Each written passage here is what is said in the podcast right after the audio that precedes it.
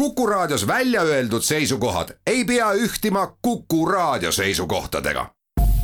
Te kuulate Kuku Raadiot. majandusruum. tere, head raadio Kuku kuulajad, eetris on Majandusruum ja stuudios ajakirjanikud Harri Tuul ja Lennart Ruuda millest me täna räägime, arutleme selle üle, et kas majanduskriis on võib-olla selleks korraks hoopis läbi ja elu on jälle nagu lill, et äh, nii, nii mõnedki näitajad äh, majandusnäitajad viitavad sellele ja, ja nii mõnigi analüütik on isegi seda maininud. Äh, seejärel räägime ka Eesti Energia sellistest skeemidest, mis on erasektoril pannud kulmu kergitama ja üks läheb nüüd ka riigikokku arutlusele, et ta on kasutanud selliseid kavalaid nippe, ütleme niimoodi.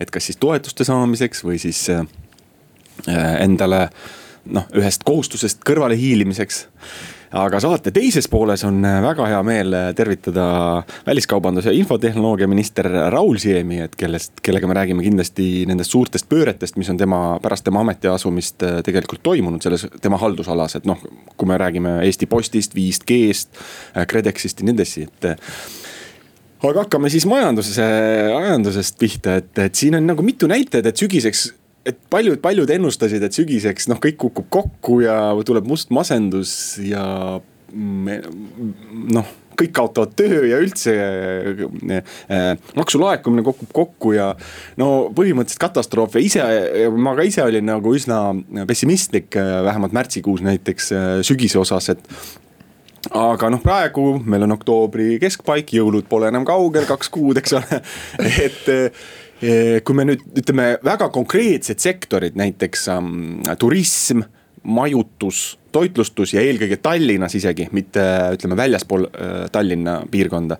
kui me need nagu välja jätame, kus on tõesti noh, isegi mitte kriis, vaid noh, krahh võiks öelda mõnes, äh, mõnes äh, kohas siis nagu noh, nii mõnedki numbrid ütlevad, et noh, ei tule seda, ei, ei paista seda suurt äh, kriisi kusagilt tulevat ja ma tahtsin kohe välja tuua, et äh, sa unustad ära turismifirmad, eks ju, et äh, kui sa siin räägid, et majanduses on kõik justkui hästi ja midagi hullu eriti nagu pole, et noh, turismifirmad, kes on siin viimasel ikkagi saatnud väga selliseid paanikalisi sõnumeid, et nemad kindlasti nagu sellega nõus, nõus ei saa olla. no jaa, ma ütlengi, et seal ei ole isegi. Äh, kõik reisikorraldajad, Tallink, eks ju, kes hakkab nüüd koondama, sa rääkisid ka, et töötuse number võib-olla pole väga üles läinud, aga noh, samas Tallink mäletatavasti eelmise kuu alguses teatas siin kuni tuhande viiesaja inimese võimalikust koondamisest, nüüd on viiesaja inimese koondamine on juba oktoobris antakse sisse. tõenäoliselt tuleb veel seitsesada kahel järgneval kuul, et äh, jah ja., tõesti, et see kriis on nagu lõiganud. ütleme seal sektoris on mitte isegi, ma ei nimetaks seda kriisiks, seal on ikkagi krahh. no seal on, seal on krahh, seal on nagu täielik kokkukukkumine, et kui su tulud on kukkunud üheksakümmend, üheksakümmend viis, noh kuni sada protsenti osadel. et äh, jah. aga tuleme nüüd, ütleme, aga noh, see ongi nagu nii-öelda ühe valdkonna või sektori põhine turism, majutus, toitlustus. ja majutus-toitlustuseks ma teeks ka selle erisuse, et tegelikult Tallinnast väljas ütleme lõu-, lõuna-lääne piirkondades selli-, noh, nii suurt ärakukkumist ei ole, tõenäoliselt Saaremaal tuleb ka, et kuna nad on ka väga paljud äh, välisturistile keskendunud on, et võib olla keeruline, et. Ja restoranidel on ka aga, tegelikult äh, Tallinnas. ma tahtsin tuua, tuua restoranid välja, et, et need kohad, kus inimesed armastavad, eestlased, kohalikud söömas käia, neil läheb ju tegelikult täitsa hästi, et kui sa ei asu just seal Raekoja platsil, eks ju, Tallinna vanalinna südames, kes sõltub otseselt kruiisituristide, turistidest, välisturistidest. et noh, neil on muidugi raske, et seal on, kõik on ju ära kukkunud, aga, aga ma ei tea, tavaline söögikoht, mis pakub normaalse mõistliku hinnaga kohalikele toitu neil on täitsa okei. Okay., ma noh, reedel enda kogemusest läksime seltskonnaga pubisse, eks ju, et pärast tööd. Kuskil niimoodi viie-kuue ajal, et no oli väga raske kohta leida, väga raske oli kohta leida, et peaaegu kõik oli võetud ja oli ette broneeritud siis, eks ju, et mm. noh, ei no,, ei paistnud kuskilt no, nagu kriisi. aga, aga no ütleme kriisi. jah, et Tallinna mõttes noh, mitmed hotellid on siin äh, alustanud renoveerimist ja Tallinngi nii. aga kui sa võtad näiteks töötuse numbrit, eks, et noh, oli ennustada, et, et kui see kriis on, ütleme sarnane eelmise kriisiga, siis võiks olla sada tuhat töötut, no ei paista kusagilt. et, et viiskümmend tuhat, et viiekümne tuhande piires püsib see kogu aeg, natukene läks vist üle ja nüüd ta tuli jälle natukene alla ja see ja seal on kusagil pidama jäänud see ja siin tõesti oli see hirm oli suur, et töötukassa juht ise ütles ka mitmes intervjuus, et äh, noh, kardame seitsekümmend tuhat töötut äh, ja isegi sajast tuhandest töötust tegelikult, töötust tegelikult räägiti. aga nüüd on ta jäänud tõesti alla, alla viiekümne tuhande. et äh, ei ole üldse nagu nii nii dramaatiline kogu see, kogu see pilt seal töötuses, et ja. samamoodi maksulaekumised, eks ju, et augusti maksulaekumine ületas eelmise aasta sama aja tulemusi, et kõik olulisemad maksuliigid, sotsiaalmaks, käibemaks, tulumaks ületasid eelmise aasta tulemusi. noh, aktsiisid, mis minu üks selline lemmikteema, millest ma olen alati nii-öelda kirjutanud, eks ju. alkoholiaktsiis, kütuseaktsiis, need natukene vähenesid, no alkoholiaktsiis otseselt sõltub siin olevatest turistidest, kes kui palju siin kulutavad, noh neile meeldib käia, eks ju, alkopoodides, sadamates Äh, restoranides, et, et sealt on see nagu kukkumine tulnud. ja lisaks no, on ka no, piirangud, et on ju osad alkoholimüügid on ära keelatud, et äh, ei tohi mingist kellaajast müüa enam midagi. no aktsiisi ka langetati eelmisel aastal näiteks poole aasta pealt äh, ja see aasta, sel aastal ka ju langetati näiteks noh kütuseaktsiisi, nii et sellega ja. tuleb ka natuke arvestada, et et jah, et, et siin on oluline see ka välja tuua, et kui me siin suvel rääkisime, et oi-oi-oi, eks ole, et, et väga suure osa maksudest, näiteks tööjõumaksudest maksab ju töötukassa, et seal oli väga palju meetmeid umbes. kas oli seal lausa üle saja tuhande kindlasti, kas lausa kakssada tuhat töötajat olid hai-, äh, töötukassa äh, abimeetme peal, eks ole. sa mõtled seda töötukassa palgatoetust? aga see on läbi saanud, sealt tuli kaasa ka see kohustus, et kohe ei tohi koondada, aga see kohustuse nii-öelda see aja äh, välp on ka läbi saanud, et noh ei, ei tahakski nagu ära sõnada, aga kuidagi olukord on üllatavalt, võiks öelda, positiivne ja tundub jah, et see palgatoetus on äh, töötanud ka pikemaajaliselt, et me kuulsime küll siin hääli, et, et see on selline hästi lühiajaline plaaster, et noh, mis aitabki natukene nagu pikendada seda, seda olukorda, et aga ei tund-, tundub jah, et see on pärast seda on ka ikkagi asi nagu normaalne olnud, et pole pidanud ära koondama kohe, kui see on nii-öelda riigi tugi või, või abiraha on siis ära lõppenud, et siis me tõttame ise kohe koondama, et ei, nagu seda pole, et noh, ettevõtjad said sealt abi justkui ja on äh, nagu vastu pidanud ja mis on ka huvitav, septembris nüüd äh, jõustus see tööampsude seadus, et võivad ka töötud äh, tööampse hakata siis nii-öelda ampsama, teha siis väikseid tõlketöid, ajaleheartikli kirjutamist, äh, ma ei tea, taksosõitu on ju, et kõiki selliseid väikseid otsi ja see on töötama. seda ajal, kui nad on töötud, eks ole. seda ajal, kui nad on töötud ja täpselt, et seda see küll ei ole väga nagu... suur võimalus, see on vist umbes paarsaja, paarisaja kusagil paari-kolmesaja euro piires võib kuus tööd teha, aga, aga abiks ikka raskel ajal, eks ole. aga see viiekümne tuhande tuhat töötu äh, arv on, see on selline no võib-olla nagu paras hulk, et mäletatavasti enne kriisi, Covidi kriisi lahvatamist oli meil kuskil kolmkümmend viis tuhat töötut, et siis ikka ettevõtjad kurtsid, et, et väga selline nagu kitsas, et aja ikka nagu tikutulega seda inimest taga ja pead üle ostma ja talle nagu palju nagu palka maksma, et, et nüüd ma siin ühe ettevõtjaga rääkisin, ta ütleski, et on nagu oluliselt seda hingamisruumi turul juurde tulnud, et on nagu lihtsam kuidagi leida, inimesed liiguvad rohkem ringi ja on sellist nagu. no eks see sõltub ka tõenäoliselt. no, mina võin tuua näiteid, näiteks ajakirjanikke on endiselt väga raske leida, kuigi siin kõik küsisid äh, siin töötukassa abi ja, ja, ja tulud kukkusid, kuivasid kokku ja eeldati koondamisi, noh ootasid, ootasid, tuli sügis kätte, midagi ei ole toimunud, et. et äh, on noh, nii mitmeski sektoris käib äh, väga tugev konkurents jätkuvalt edasi, et, et ma arvan, et võib-olla võitjana väljuvadki lõpuks need, et kes suutsid siin vahel segaduste ajal kellegi nagu üle lüüa mõne hea töötaja või värvata mõne hea töötaja, et, et, et see noh, see, see on endiselt äh, keeruline, et äh, noh, kindlasti mitte turismisektoris võib-olla, aga, aga ka turismisektoris ikkagi tugevatest inimestest ja oma nii-öelda võtmetöötajatest kindlasti hoitakse kinni. ja autosid on hakanud inimesed ostma taas, et äh, oli küll nüüd septembri näitaja tuli, et see oli küll natukene äh, Äh, müüdi vähem kui eelmisel aastal, aga, aga noh, ikkagi augustis kukkus see kuskil viiskümmend prossa uute autode müük, et nüüd oli septembris hoidis enam-vähem nagu sama taset, et see on ka üks selline hea indikaator, et kuidas majandusel läheb, palju ja. uusi autosid ostetakse ja ostetakse hästi. autode ost ongi klassikaline selline indikaator, et äh, sellise usalduse indikaator, et kas sa usud, et sul läheb nagu hästi, sest see on ikkagi mingi kohustus, mille sa võtad ja mida sul, mida sa saad edasi lükata ja võid, eks ole mm. -hmm et, tundub, et jah, et selline väike usaldus majanduse suhtes hakkab taastuma, aga teeme nüüd äh, väikese pausi. majandusruum jätkame stuudios ajakirjanikud äh, Harri Tuul ja Lennart Ruuda ja räägime nüüd natukene ka Eesti Energiast, et kui siin ajakirjandusest räägib palju Eesti Luteri kirikust, et, et siis võib-olla olulisemad sündmused on toimumas kusagil mujal. et äh, on sellised kaks sellist mõnes mõttes, no ma, ma nimetaks neid skeemideks ja isegi mitte ei hakkaks, mitte isegi halvustavalt, vaid nad lihtsalt ongi skeemid, et.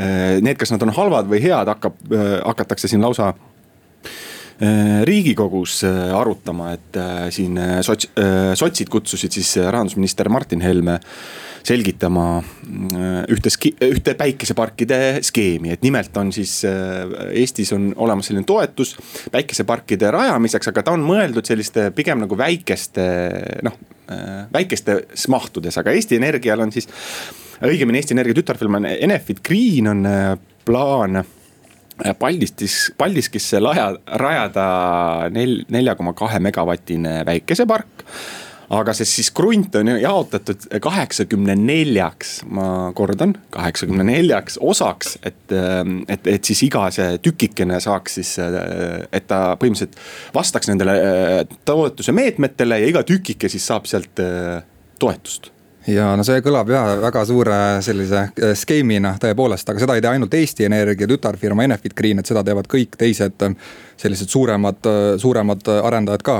aga noh, mille peale tasuks mõelda, et, et et seda tehakse sellepärast, et saada maksumaksjalt tegelikult taastuv energiatoetust rohkem, mida nende jaamade eest siis makstakse ja noh, see võib siis suurendada meie kui maksumaksjate nii-öelda elektriarveid tegelikult, meie enda riikliku energiakontserni äh, skeemitamise hõnguline tegevus. nojah, selles mõttes ma olen, ma olen sinuga nõus, et Eesti, selles mõttes on ebaõiglane kuidagi Eesti Energiat siin esile tõsta. aga nagu meil on Eesti äh, Energia saateplokk, eks ju, et me peame temast rääkima. paljud ettevõtjad teevad seda, et äh, kas isegi mitte siin noh, Tartumaa ettevõtjad ja nii edasi, aga küsimus on nüüd selles, et eks ole, Eesti Energia, miks, miks ta tõuseb niimoodi, tõusetub esile, et noh, ta lihtsalt kuulub ju meile põhimõtteliselt, eks ole, Eesti rahvale, riiklik firma, et kas ta ei peaks näitama eeskuju, et.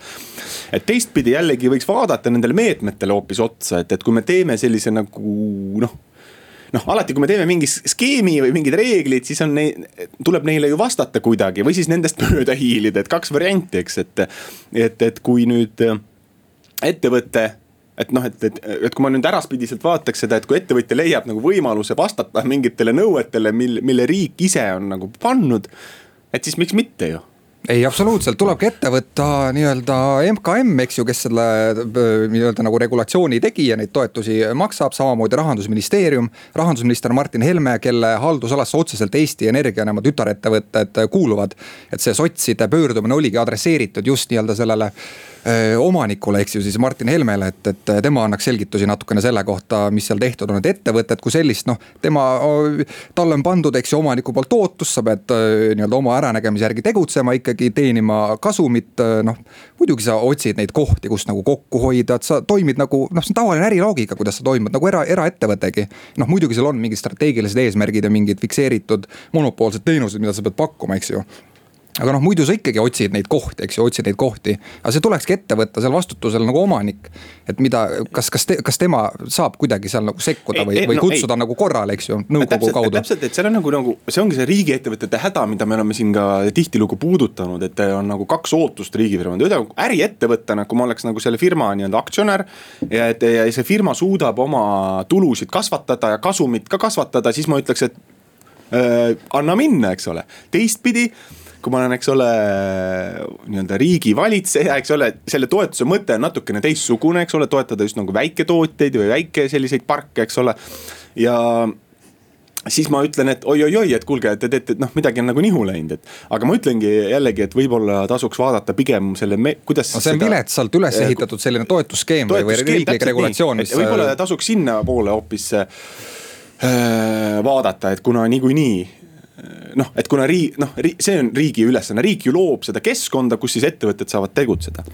aga on veel üks selline mm, sellel nädalal välja tulnud selline noh, küsitavusi tekitav äh, skeem. ja on sündinud selline ettevõte nagu Enefit Connect, eks ju aga selle taust on siis see tõesti, et Eesti Energia andis, eile oli minu arust vist jah ja., kui andis teada, et nad noh, põhimõtteliselt tükeldavad sellise noh, väga olulise ettevõtte nagu Elektrilevi, eks ju.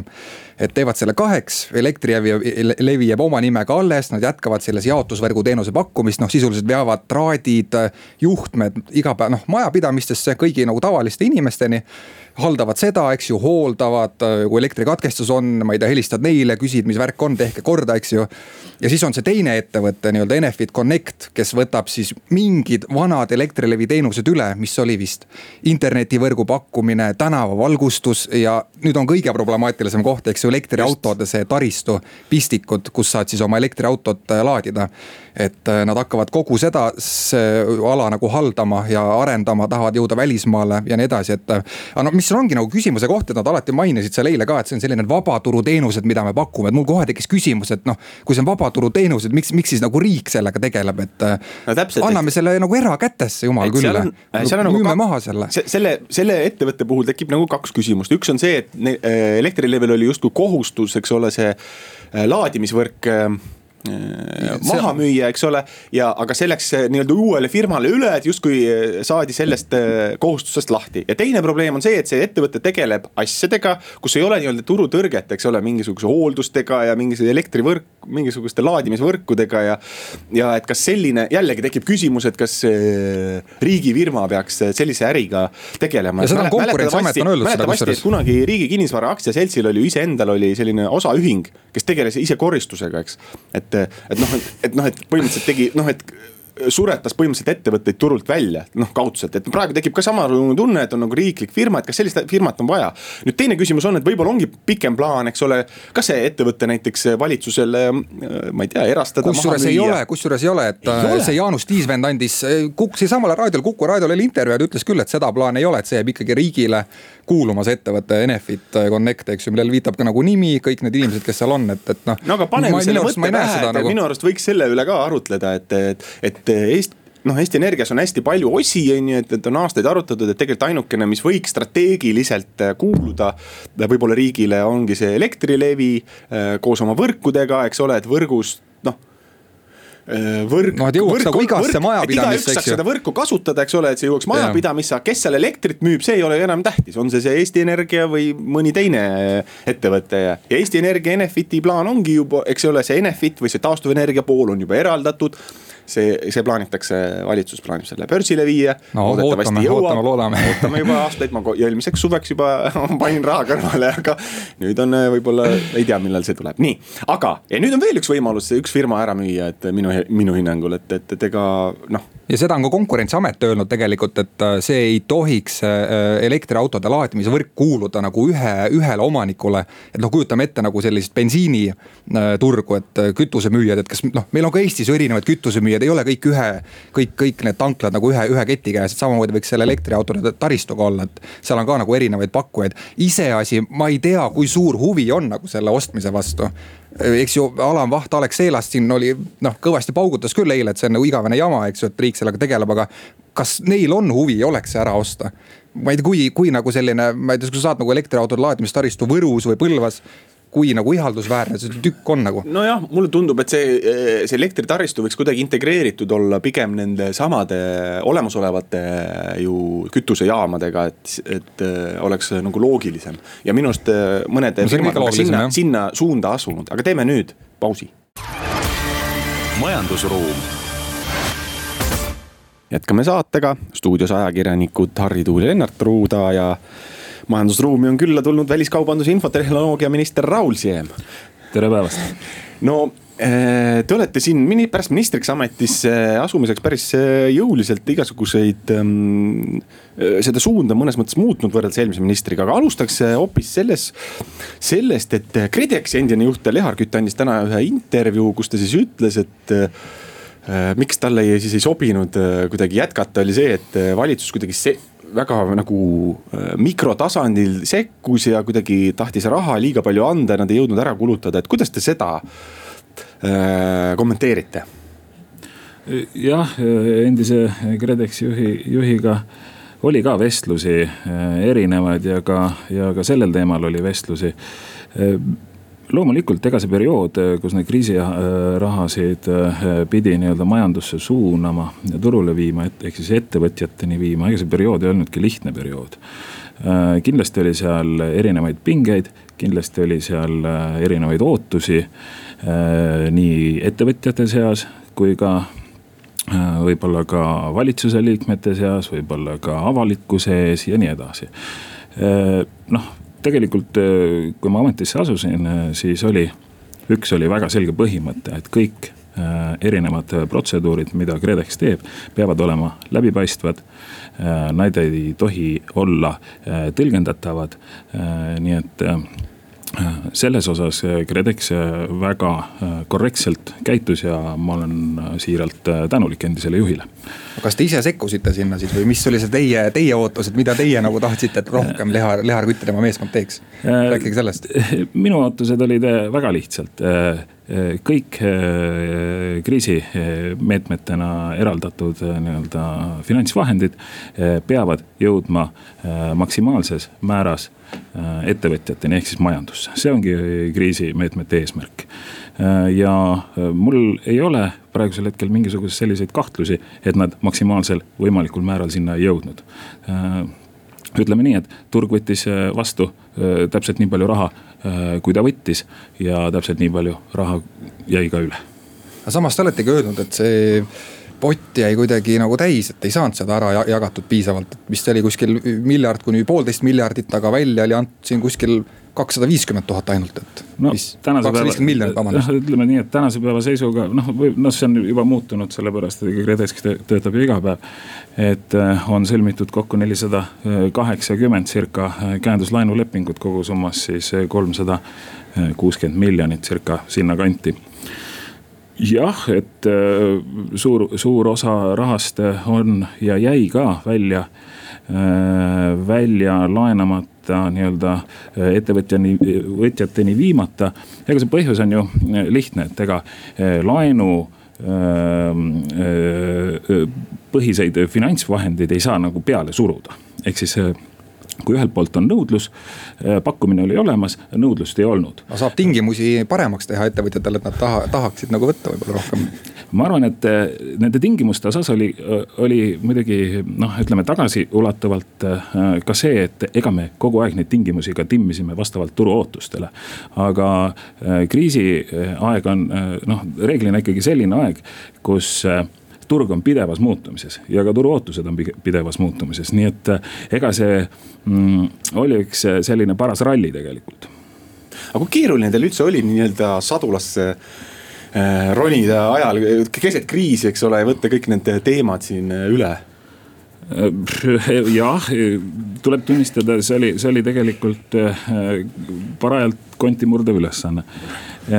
aga noh kui kõik asjad oleksidki niivõrd lihtsad, siis, siis polekski ju mingit muret.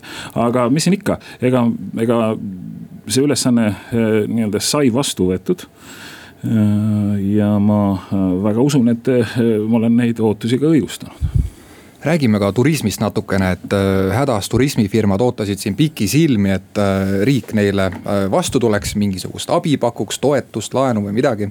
ja siis lõpuks tulite te välja viie koma kaheksa miljoni eurose otsetoetuste paketiga, et, et miks turismifirmad said nii vähe raha? tegelikult ma peaksin nagu kurvastama natukene, et siin on kusagil tõlkes midagi kaduma läinud. turismiettevõtjad said riigieelarvest läbi nüüd ütleme neid kriisi, otse kriisitoetusi siis lisaeelarve kaudu äh, said äh, kakskümmend viis miljonit eurot. jah, läbi EAS-i Need, see ei ole teab mis suur summa, arvestades turismisektori suurust, see on tegelikult suhteliselt tagasihoidlik summa, aga noh, selline otsus sai tollel ajal tehtud, mina selle otsuse tegemise juures ei olnud. paraku, paraku selline otsus oli ja see äh, sai, äh, arvestades äh, turismisektori suurust, siis see summa ähm, sai liigendatud siis erinevateks meetmeteks, ehk siis turismi erinevate sektorite vahel. ühed sektorid said täis, täies ulatuses kaetud, osad sektorid jäid katmata ehk siis äh, ja osad sektorid jäid katmata seetõttu, et seal puudus äh, selline vajadus, noh sellises mahus äh, otsetoetusi saada. ehk siis nüüd tegelikult seesama viis koma kaheksa miljonit eurot, mida siin praegusel hetkel mm, kuidagi on tituleeritud kui täiendavaks vahendiks, on tegelikult sellesama jääk. mida me nüüd sihitame veel täpsemini koostöös turismiettevõtjate liitudega Äh, ja sihitame selle eesmärgiga, et nüüd need, kes tollel hetkel jäid äh, kõrvale või sellest valimist välja saaksid ka toetust. aga ma saan aru, et turismifirmad ise on öelnud, et olukord on tunduvalt äh, halvemaks nende jaoks muutunud, et veel hullem, kui see oli nagu kevadel. et seda abi oleks vaja äh, rohkem ja ma olen. Nad tõid ma... ise ka välja kuskil viiskümmend kuni üheksakümmend miljonit palgatoetust kuni aprillini, et äh, ma ei tea, miks mitte näiteks see kaubaks ei läinud mm. -hmm. no me oleme turismiettevõtjatega väga palju kohtunud ja, ja me oleme lähtunud sellest põhimõttest, et me ei äh,, kindlasti ei mõtle äh, toetusi ja toetuse saajaid välja kabineti vaikuses. ehk siis äh, selle taga peavad olema ikkagi reaalsed äh, nii-öelda toetuse äh, erialaliidud äh, ja, ja vastavalt sellele siis ka need otsused on vastu võetud. see, mis puudutab nüüd seda Äh, seda, et kõigile raha ei jätku, see see on nagu ilmselge, et noh, et, et sellise, sellise mahu juures ei olegi nagu mõeldav. nii et ma arvan seda, et ega me tegimegi parima tulemuse ja, ja praegusel hetkel kindlasti keegi jääb ilma, selles ei ole kahtlust, aga mis on nagu asja tegelik sisu, asja tegelikult sisu on see, et me peame suutma säilitada siis selle vundamendi. et kui nüüd see mm, kriis möödub leitakse vaktsiin või mis iganes, äh, mis aitab meil sellest kriisist äh, nii-öelda pandeemiast välja tulla. ja, ja turism taastub, siis on meil vundament olemas, mille peale me saaksime ehitada üsna hõlpsalt ja kiiresti. ütleme, taastada selle turismisektori sellise nii-öelda teenindusvõimekuse nii et eh, see on nagu see. Eh, aga mis see vundament on teie hinnangul siis, kas need on mingid, mingid ettevõtted eh, kitsamalt või, või laiemalt? vundament on laias laastus ikkagi see, see teadmine ja, ja kompetents eelkõige mille najal siis turismisektor püsib. see kompetents on tegelikult inimesed ja nende nii-öelda know-how, kuidas nad oma tööd teevad.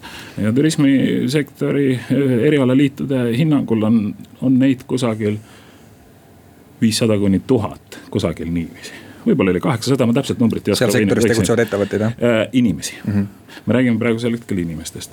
ega turismisektor on Eestis ju väga lai, et äh, põhimõtteliselt äh, kõik, kes noh, kas nüüd kõik, aga, aga väga paljud ju tituleerivad ennast turismiettevõtjana, kui nad äh, midagi osutavad äh,. sellist äh, teenust, kas siis majutusteenust, mida iganes aga kui puudutada nüüd siseturismi, siis siseturismi, turismi kontekstis noh, numbrid näitavad, et tegelikult see suvi oli üllatavalt hea neil, isegi palju parem kui eelmine suvi, nii et noh, see on nagu see äh, teatud valdkondades on nii-öelda mm, need numbrid ei ole päris üheselt mõistetavad või üheselt käsitletavad. aga jah, ma olen nõus, et äh, need, kes on välisturismile, turistile orienteerunud, siis nendel oli küll tegelikult täiesti noh suur tagasilöök. täpsustaks korraks üle, et mis see nagu kriitiline arv, viissada kuni kaheksasada inimest, te ütlesite, et mida see nagu tähendab, et need, need inimesed peavad sinna sektorisse alles jääma siis justkui? jah, eeldatavasti küll jah. ja palju seal kokku töötab äh, nii-öelda praegu või, või suvel? Äh, ma olen, ma päris täpseid numbreid ei tea, aga, aga minu hinnangul kusagil oli, kui ma õigesti mäletan, äkki oli kusagil kolmteist tuhat äkki või midagi sellist küsin sellist, kas te valitsuses arutasite ka selliseid alternatiivseid meetmeid, mis siin vahepeal välja pakuti, eks turismisektori toetuseks, mida ma silmas pean, on eks selle sellise nagu vautšerite, et eks, et täna meil nagu justkui mingid ametid või äh, valitsused otsustavad, et kes seda raha saab, aga ütleme, kui meil oleks äh, noh, seda on ka laidetud, seda süsteemi, aga mis selle süsteemi pluss on see, et iga see tarbija või see inimene ise saab otsustada, et noh, et kelle teenust ta otsu-, ostab, eks ole, selle vautšeriga. ja, ja siis annabki talle nii-öelda tuge ja need, kes on nii-öelda nõrgemad ja ei suuda ennast eh, turul välja panna, et noh, nemad kukuvadki nii-öelda välja. Tõsi ta on, et äh, vautšerite teema oli äh, täiesti laual ka valitsuses, noh ühe ettepaneku rahandusminister sellega välja tõi. Ähm, et seda võiks äh, nii-öelda, seda teemat võiks lähemalt vaadata, läbi töötada no me ka Majandus-Kommunikatsiooniministeeriumis seda tegime ja, ja vautšer, nii siseturistile suunatud vautšer kui ka välisturistile suunatud vautšer. probleem nende vautšerite realiseerimisel on tegelikult üsna lihtne, me ei tea täna väga selgelt ju kuidas meil äh, nii-öelda see äh, haiguspuhangu olukord äh, nii-öelda kujuneb. ehk siis noh, me olime alles kaks nädalat tagasi selle küsimuse ees, et kas me nüüd seame piira-, piiranguid juurde, et noh, tegelikult tegelikult see, kui vaadata seda haig-, haig-, nakatumise kõverat saja tuhande elaniku kohta, et siis läks ta kuni eelmise nädalani, minu teada läks või eelmise nädala lõpuni läks ju täiesti püstloodis ülesse nüüd on tulnud väike nokk allapoole, nii et vaatame, mis saab ja, ja, ja võimalik on see, et polegi vautšereid vaja, et noh, et, et tegelikult praegusel hetkel arvestades seda olukorda. noh, vautšer eeldab ju seda, et kui me selle käiku laseme, siis inimesed hakkavad liikuma. et noh, võimalik on see, et noh, et, et meil just ei ole vaja, et inimesed praegu liikuma hakkaksid, nii et me peame mingi leidma selliseid mõnevõrra selliseid rahul, rohkem rahul, rahuldust pakkuvaid lahendusi, nii et ka epideemia või noh, ütleme selle haiguspuhangute mõttes. teeme väikese pausi. majandusruum jätkame saatega, stuudios ajakirjanikud Harri Tuul ja Lennart Ruuda ja meil on külas väliskaubanduse infotehnoloogia minister Raul Siem. no liigume teemadega edasi ja lähme Eesti Posti juurde kõigepealt, et Eesti Postis olete teinud päris mitu sellist, ma ütleks pöördelist otsust pärast ametisse asumist, et peatasite siin postkontorite sulgemise või postipunktide vist õigemini ja siis ütleme niimoodi. nõukogu tagasi eh, täies koosseisus. no nõukogu oligi planeeritud. Äh, enne mõttes... kutsuti. aga okei okay.. ah, jah, õige, eh, natuke varem kutsus nõukogu tagasi, vahet, nüüd on põhimõtteliselt vahet, vahetasite ka Eesti Posti juhi välja, Ansi Arumäele, et äh, mis plaan teil sellega on või ähm, mis toimub jah, Eesti Posti kontekstis ega meil mingisugust väga suurt Äh, plaani ei ole, meil on, meie plaan on väga lihtne, et tagada siis kvaliteetne traditsiooniline postiteenus. Äh, et ta oleks kõigis ela-, riigis elavatele inimestele kättesaadav ja loomulikult maapiirkondades, see ongi sihuke väike tagasihoidlik plaan ja öö, äh, Äh, nii et äh, selle plaani äh, pealt me läheme, mis puudutab nüüd tõesti Eesti Posti nõukogu mõnevõrra noh, ennetähtaegset tagasikutsumist, aga see oli täiesti selline noh, seda võib nimetada sihukeseks tehniliseks protseduuriks pigem. sellepärast, et nõukogul oli nii või teisiti selle aasta juuli alguses oli tagasi noh, südasuvel siis oli niikuinii nii-öelda ametiaeg lõppes Äh, siis äh, noh, meil ei ole mõtet oodata lihtsalt äh, seda poolteise, pooleteist kuu pikkust aega. parem paneme uue nõukogu, kes saab juba suve jooksul uued sihid paika seada. muidu, muidu oleksime lihtsalt puht pragmaatiliselt aega kaotanud. uus nõukogu on olnud väga pädev, väga hea valik on olnud et hea otsus oli siis juhatuse esimees Ansi Arumäel nii-öelda ametist vabastada. mitte, ei, see ei ole, see on nõukogu enda otsus.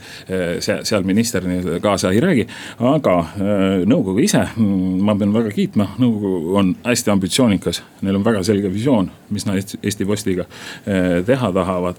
ja ma olen ise selle ambitsiooniga tutvunud ja, ja ka heaks kiitnud nii-öelda omaniku esindajana Äh, ja, ja see on tõesti mm, see, mis viib tegelikult postiteenuse mm, nii digi, digitehniliselt kui ka, kui ka, kui ka kättesaadavuse osas ikkagi täiesti uuele tasandile.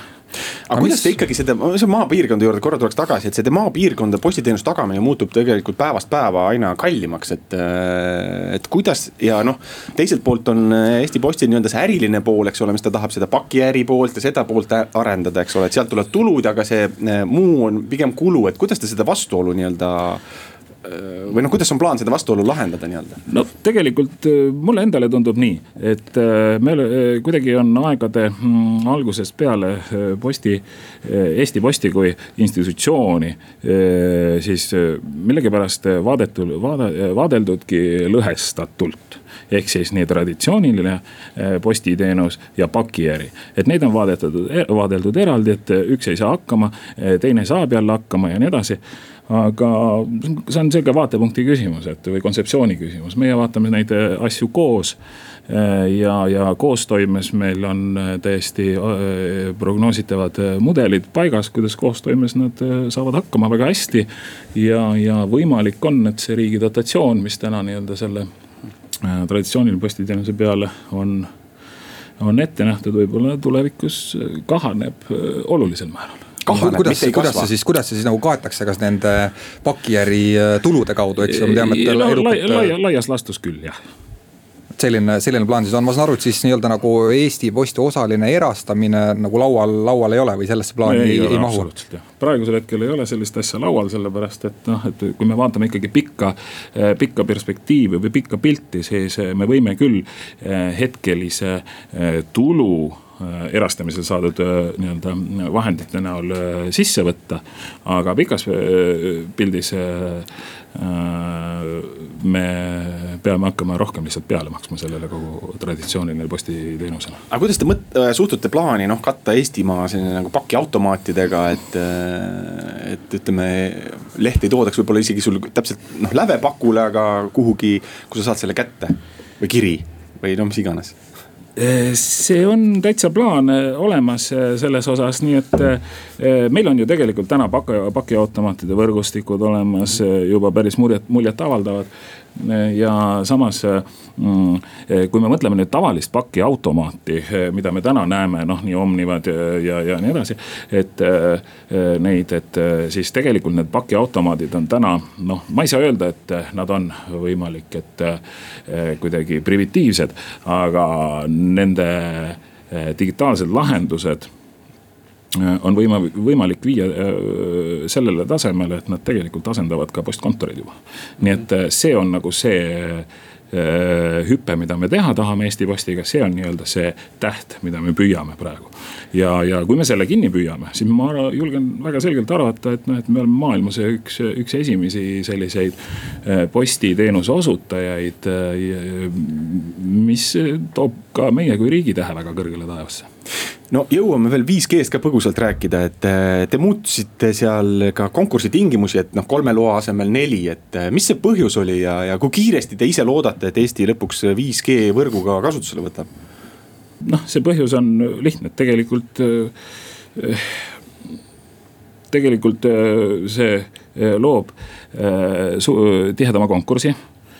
see loob teenuseosutaja mitmekesisuse ehk siis neid teenuseosutajaid saab olema rohkem, kui traditsiooniliselt meil on olnud. olete te selles nii kindel, et siin konkurendid räägivad, et üks äh, tükk võiks minna Levikomile, kes on kõrvuni võlgades, kel pole endal nagu seda ressurssi välja arendada ja nad müüvad lihtsalt selle oma tüki vahelt kasuga ühele kolmest suurest äh, telekomi operaatorist. jah, me tegeleme, me kindlasti arvestame kõikide aspektidega, et, et see ei tekiks, et, et ei tekiks äh, naeruväärset olukorda ja, ja tekiks tõsine konkurents, nii et äh, sellega me oleme jah, sellega me arvestame konkurentsi, konkursi tingimuste paikapanekul loomulikult.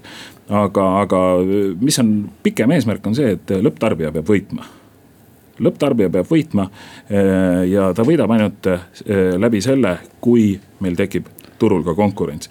see, mis eh, praegu nii-öelda turul olijad räägivad ja, ja, ja, ja missugused on need negatiivsed seisukohad. see on, või kriitilised pigem seisukohad selle jagamise üle.